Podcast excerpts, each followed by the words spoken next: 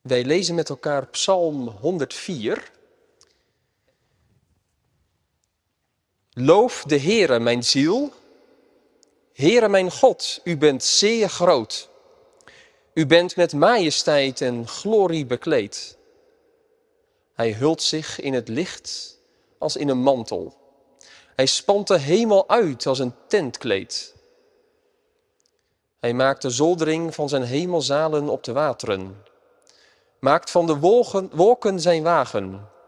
Wandelt op de vleugels van de wind. Hij maakt zijn engelen tot hulpvaardige geest. Zijn dienaren tot vlammend vuur. Hij heeft de aarde gegrondvest op zijn fundamenten. Die zal voor eeuwig en altijd niet wankelen. U had hem met de watervloed als met een gewaad bedekt. Het water stond boven de bergen. Door uw bestraffing vluchten ze. Ze haasten zich weg voor het geluid van uw donder. De bergen rezen op, de dalen daalden neer op de plaats die u ervoor bestemd had. U hebt een grens gesteld die ze niet zullen overgaan. Zullen de aarde nooit meer bedekken. Hij wijst de bronnen hun loop naar de dalen, zodat ze tussen de bergen doorstromen. Ze geven alle dieren van het veld te drinken. De wilde ezels lessen er hun dorst. Daarbij wonen de vogels in de lucht. Een stem klinkt tussen de takken. Hij bevochtigt de bergen vanuit zijn hemelzalen. De aarde wordt verzadigd door de vrucht van uw werken. Hij doet het gras groeien voor de dieren, het gewas ten dienste van de mens. Hij brengt voedsel uit de aarde voort, wijn die het hart van de sterveling verblijdt, olie die zijn gezicht doet glanzen. En brood dat het hart van de sterveling versterkt. De bomen van de Heere worden verzadigd, de ceders van de Libanon die hij geplant heeft. Dan nestelen de vogeltjes, de cipressen zijn het huis voor de ooievaar, de hoge bergen voor de steenbok. De rotsen zijn een toevluchtsoord voor de kliptas. Hij heeft de maan gemaakt voor de vaste tijden. De zon weet wanneer hij ondergaat. U brengt de duisternis teweeg en het wordt nacht. Daarin gaan alle dieren in het woud naar buiten. De jonge leeuwen brullen om een prooi en verlangen van God hun voedsel. Wanneer de zon opgaat, trekken ze zich terug en leggen ze zich neer in hun holen. De mens gaat dan op weg naar zijn werk, naar zijn dienstwerk tot de avond toe. Hoe groot zijn uw werken, heren? U hebt alles met wijsheid gemaakt. De aarde is vol van uw rijkdommen. Daar ligt de zee, groot en wijd uitgestrekt. Daar leeft krioelend gedierte, niet te tellen, kleine dieren en grote. Daar varen de schepen, daar gaat de Leviathan die u gevormd hebt, om hem erin te laten spelen. Zij allen wachten op u dat u hun voedsel geeft op zijn tijd. Geeft u het hun, zij verzamelen het. Doet u uw hand open, zij worden met het goede verzadigd. Verbergt u uw aangezicht, zij worden door schrik overmand. Neemt u hun adem weg, zij geven de geest en keren terug tot hun stof. Zendt u uw geest uit, dan worden zij geschapen en vernieuwt u het gelaat van de aardbodem.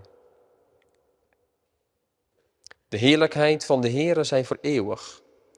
Laat de Heere zich verblijden in zijn werken. Aanschouwt hij de aarde, dan beeft hij. Raakt hij de bergen aan, dan roken zij. Ik zal voor de Heere zingen in mijn leven. Ik zal voor mijn God psalmen zingen mijn leven lang. Mijn overdenking van hem zal aangenaam zijn. Ik zal mij in de Heere verblijden. De zondaars zullen van de aarde verdwijnen. De goddelozen zullen er niet meer zijn. Loof de Heere, mijn ziel. Halleluja. Gemeente van Christus.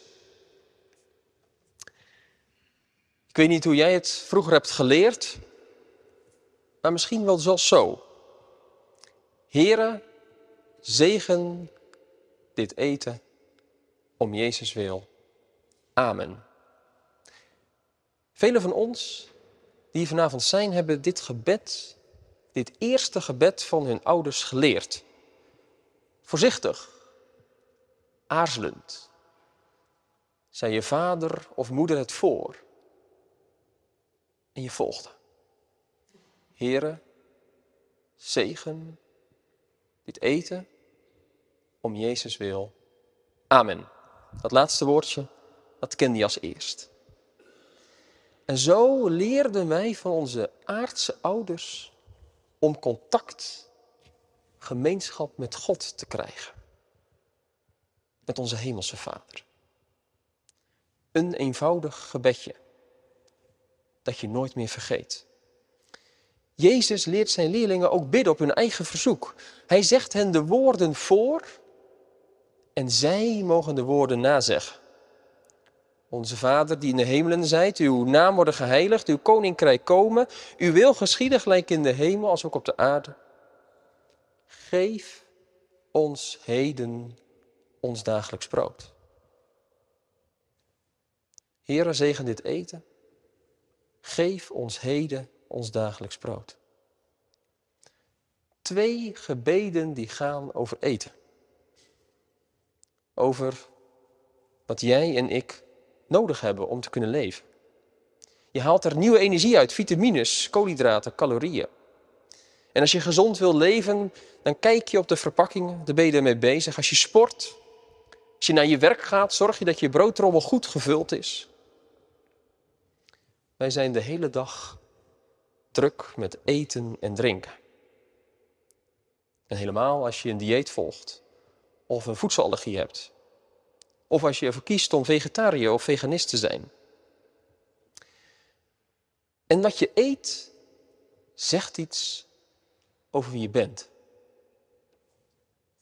Daarom zijn Duitse dichter iets in de trant van wat de mens eet, dat is wat de mens is.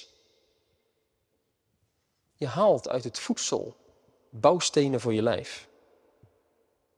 En Jezus vindt bidden ook om eten ook belangrijk. En daarom leert hij zijn leerlingen daarom te vragen. Eerst moeten ze zeggen hoe groot God is, zijn naam, zijn rijk, zijn wil. En daarna een eenvoudig gebed om brood. Op een of andere manier wil onze hemelse Vader betrokken zijn op heel ons leven. Op het brood en het eten dat je vandaag nodig hebt. Jezus zegt dat we zijn Vader daarom moeten bidden. Want brood en voedsel komt uit de hand van God. De Israëlieten die Psalm 104 zongen wisten dat. Want ze hadden de verhalen gehoord over het manna uit de hemel. Zij weten van dat God brood en voedsel geeft. De psalm die we net hebben gelezen, duizelt van de grote dingen van God. Het is een juweel van een psalm over de rijkdom van Gods schepping. Over hoe gigantisch groot God is. De psalm probeert je vanavond mee te nemen in de flow van de verwondering. Dat God de grootste is. Dat Hij met majesteit en glorie gekleed gaat. Dat Hij een mantel van licht om zich heen heeft. Dat Hij speelt met zijn schepping.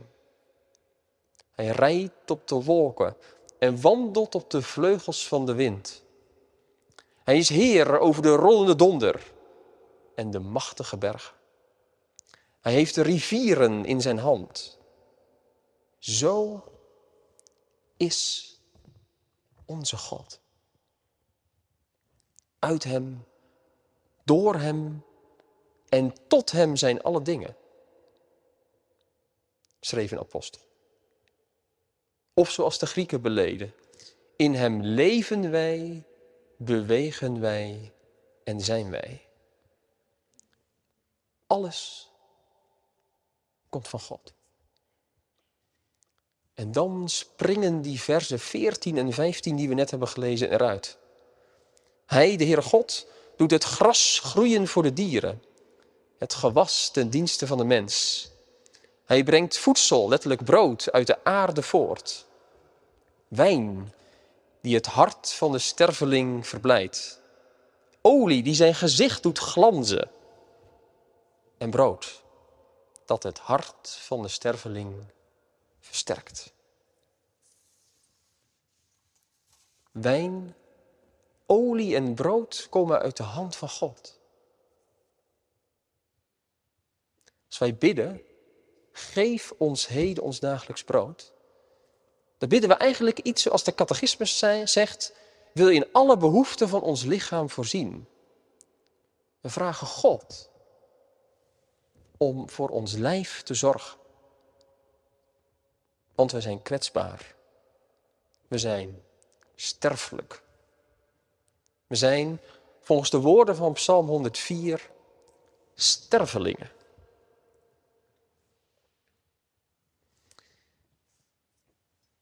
Even tussen haakjes. In de geschiedenis van de kerk zie je het regelmatig gebeuren. Dat het niet gaat om het lichamelijke, om het lijfelijke, maar om het geestelijke. Het lichamelijke sterft en gaat dood, zeggen ze dan. En je ziel blijft bestaan. Niet je lijf is belangrijk, maar je ziel. Het uiteindelijke doel van je lijf is dat het ten dienste staat van je ziel. Dat zou dus kunnen betekenen dat je jezelf kunt verwaarlozen. Als je geestelijk maar gezond bent. Je herkent het misschien wel. Het gaat vooral om een nieuw hart. Het gaat vooral om het geestelijke. En je ziet in onze samenleving dat er wordt gezocht. Verhouding, ziel en lichaam. Je moet goed voor je lijf zorgen. Nummer 1. Je moet fit zijn, er goed uitzien.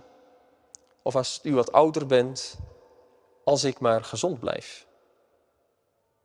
Dat zijn de kernwaarden onder het bestaan. Daarom trekken we onze hardloopschoenen aan. En gaan we naar de fitness. Sommigen vinden dat ontzettend leuk. En anderen doen het omdat het moet van henzelf of van anderen. Ziel en lichaam. Waarom is dat belangrijk? Nou, dat heeft uiteindelijk te maken met Jezus. Want Jezus wordt mens op deze aarde. Hij wordt een sterveling, net als wij allemaal. En als hij wordt verzocht door de duivel, heeft hij honger. En als hij dorst heeft, gaat hij aan een Jacobsbron zitten in Samaria. En vraagt hij aan die Samaritaanse vrouw om water. Jezus breekt brood en deelt de beker rond. Als hij hangt aan het kruis, heeft hij dorst. Als Jezus opstaat uit de dood, eet hij een vis. Jezus is echt mens en heeft echt behoefte aan eten en drinken. Er zijn altijd mensen geweest in de geschiedenis van de kerk die zeiden dat Jezus niet echt mens was. Dat hij in de vorm, gestalte van een mens gekomen is naar deze wereld. Vermomd als mens. Maar Jezus heeft echt dorst en echt honger. Stel eens voor dat Jezus geen mens was. Geen echte sterveling.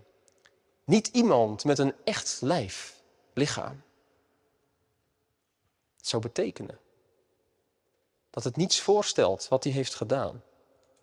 Hij kon onze zonde niet dragen aan het kruis. Hij kon ons niet echt redden. Dan betekent deze lijdenstijd waar we nu in leven als kerk ook helemaal niets. Dat betekent zijn lichaam dat bloed zweet niets. Zijn gezicht dat beursgeslagen wordt niets. Zijn hoofd waar de doornen in priemen niets. Zijn handen en voeten waar de spijkers doorheen geslagen worden betekent ook niks. Zijn lichaam dat te weinig adem krijgt betekent ook niks. De dorst die hij heeft, betekent ook niks. Jezus Christus is een echt mens. Het lichamelijke en lijfelijke is in de Bijbel ontzettend belangrijk. En je zou kunnen zeggen dat is continu een lijn die je in de Bijbel ziet. Zeker in het Oude Testament. Je ziet het in Genesis, als God de aarde schept. Met bomen en vruchten. Gewassen. Dat God zegt dat de vruchten van de gewassen en de bomen voor de mensen zijn. Dit is hun voedsel. We lezen het bij de uittocht uit Egypte. Dat God brood uit de hemel geeft, manna. En als het volk dan bijna in Canaan is, dan wordt hen een land beloofd dat overvloeit van melk en honing. En als die verspieders terugkomen, hebben ze een gigantische druiventros mee. In de psalmen wordt gesproken over dat God ons verzadigt. Denk bijvoorbeeld aan Psalm 23. In de ballingschap worden beelden gebruikt van eten en drinken. En als Jezus rondloopt op aarde, is zijn eerste wonder water in wijn veranderen. En als hij preekt, voedt hij veel mensen met weinig brood. Voor God en voor Jezus is eten en drinken belangrijk. Lichamelijke is belangrijk. Want Jezus staat lichamelijk, lijfelijk op uit de dood.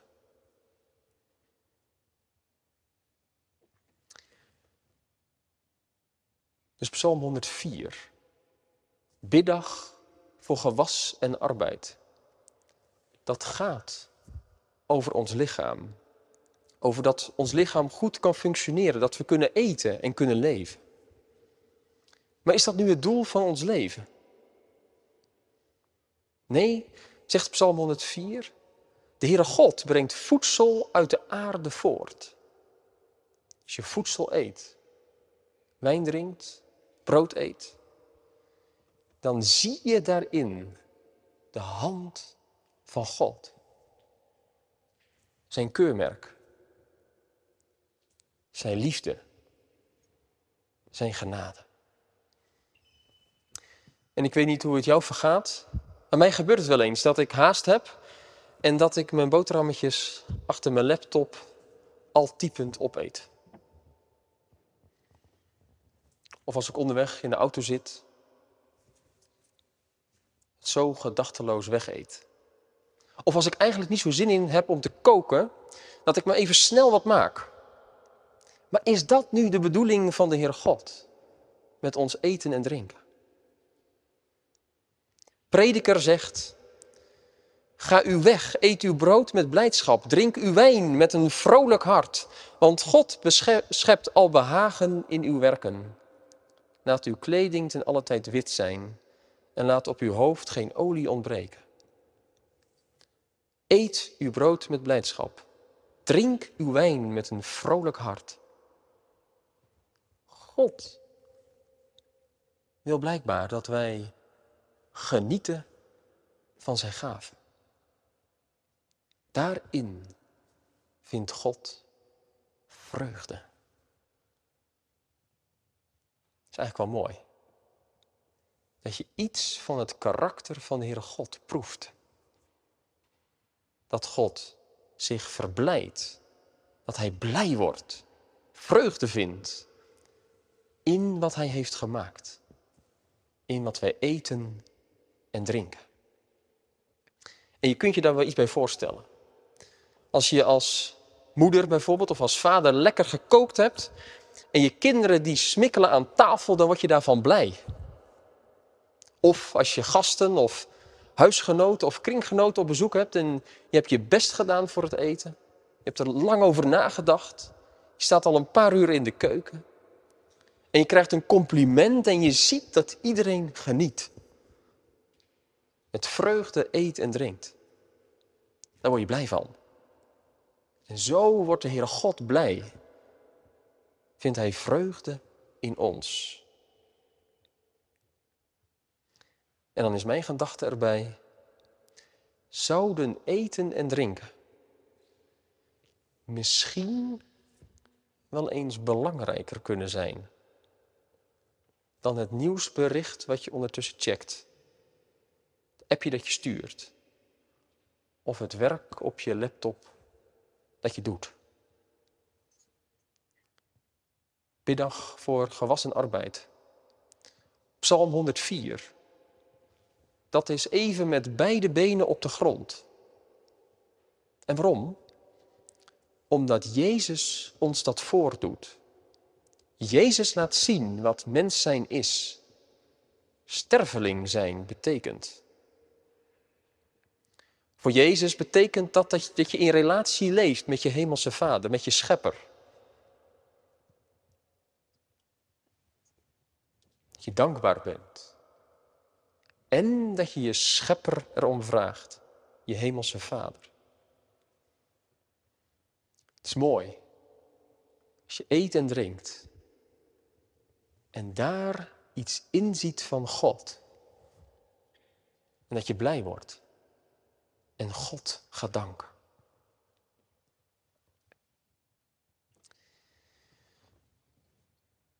De meesten van ons zullen bidden voor het eten. En daarmee laat je eigenlijk zien dat wat je eet, dat je dat erkent, dat dat van God komt. Ik weet niet hoe jij dat vindt en hoe jij dat doet, maar ik vind het eigenlijk wel een heel mooie manier om zo in het leven te staan. Verbonden met God, terwijl ik gewoon heel aards bezig ben met eten en drinken. Psalm 104 brengt ons in de verwondering over God. En na een intermezzo over grote bomen en gigantische bergen en allerlei soorten dieren en hemellichamen en een zee waar alles krioelt, gaat het over, over het voedsel wat de dieren krijgen in vers 27 en 28. Zegt de psalm, zij allen wachten op u, dat u hun voedsel geeft op zijn tijd. Geeft u het hun, zij verzamelen het. Doet uw, uw hand open, zij worden met het goede verzadigd. Het is goed dat wij vanavond leren bidden tot God. Geef ons heden ons dagelijks brood. Het is vanavond goed dat we een link leggen wat op ons bord ligt en wat we beleiden, waar we in geloven. In de andere psalm staat, proef en zie dat God goed is. En misschien zijn we dat in deze tijd waarin mijn leven wel een beetje kwijt. We gaan naar de supermarkt en kopen ons eten en drinken. De meeste van ons zullen niet een eigen groentetuintje hebben, denk ik. Misschien een pot aardbeien. De verbinding tussen ons en de aarde waar we op leven is soms best wel ver weg. En juist dan mogen we in de kerk weer leren om een mens te zijn op deze aarde. Om in afhankelijkheid van God te leven. Dat klinkt haast een beetje kinderachtig. Misschien wel erg eenvoudig. Maar zou dit niet kunnen zijn wat God van ons vraagt en wil?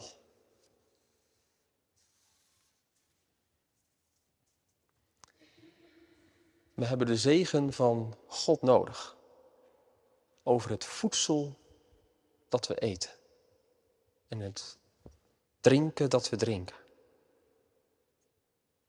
Maar het doel van dit alles is zoals de Heidelbergse catechismus zegt, dat we ons vertrouwen van alle schepselen afwenden en alleen op God stellen. En dat vertrouwen leren we door te bidden. Want God is het die je hart blij maakt als je wijn drinkt. Die je gezicht doet glanzen van olie. Die je hart versterkt. Voedsel laat zien dat we kwetsbaar zijn. Een sterveling. Want als we het niet hebben, gaan we dood. Eten brood. En dat sterkt ons aan. We drinken een wijntje, omdat dat ons hart blij maakt. Dat is trouwens ook opvallend in de Bijbel. Dat eten en drinken vaak in verband worden gebracht met vreugde. Het genieten van Gods gaaf. Het hart van de sterveling, zegt Psalm 104 twee keer. Het hart. Dat is in het Oude Testament waar je begripsvermogen actief is. Dat is waar je wil en verlangen functioneren. Dat wil Psalm 104 aanwakkeren, aansterken en verblijden. Gewoon ons gewone leven voor het aangezicht van God. En in dat gewone dagelijkse leven, waarin we werken, studeren of met pensioen zijn. In dat leven nodigt God ons uit. Aan zijn tafel. Breekt hij brood en deelt hij wijn. De kerkvader Cyprianus, derde eeuw na Christus, die zei bij zijn uitleg van het Onze Vader het volgende.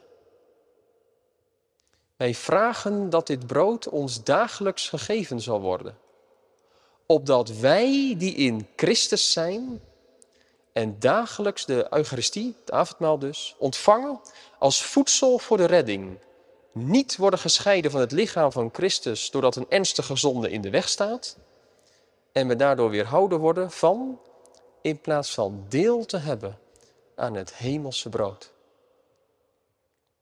Cyprianus legt de lijn tussen de bede geef ons dagelijks brood en de viering van het avondmaal. Als we aan de tafel zitten, herinneren we ons aan wat Christus voor ons deed. En worden we met Christus verbonden. Doel van de bede om dagelijks brood is dat we vertrouwen op God. En dat leer je aan de tafel van de Heer. Dat leer je bij het vieren van het avondmaal. Want daar is Christus, die ons vervult, vult met zichzelf. Daar leren we onze zonde beleiden. Daar leren we mens zijn, zoals we zijn bedoeld. Avondmaalsbrood hebben we brood nodig. Het lijden van Christus ook. Want dat alleen kan ons lege leven vervullen. Wij bidden tot onze Hemelse Vader. In deze dienst. En daarna gaan we weer naar huis. En bidden we voort. Gewoon voor ons lichaam. Dat een tempel is van God. Leren we vertrouwen op God. Omdat we weten, van U zijn alle dingen. Eenvoudig kindergebedje. Zegen dit eten. Eenvoudig gebedje. Geef ons heden ons dagelijks brood. Eenvoudig. Maar soms wel moeilijk om te leren. En daarom is het misschien maar heel goed om dat heel veel te bidden. En ons brood en ons wijn, wat we drinken, met vreugde te aanvaarden. Zo zijn we echt mens, zoals we zijn bedoeld. Amen.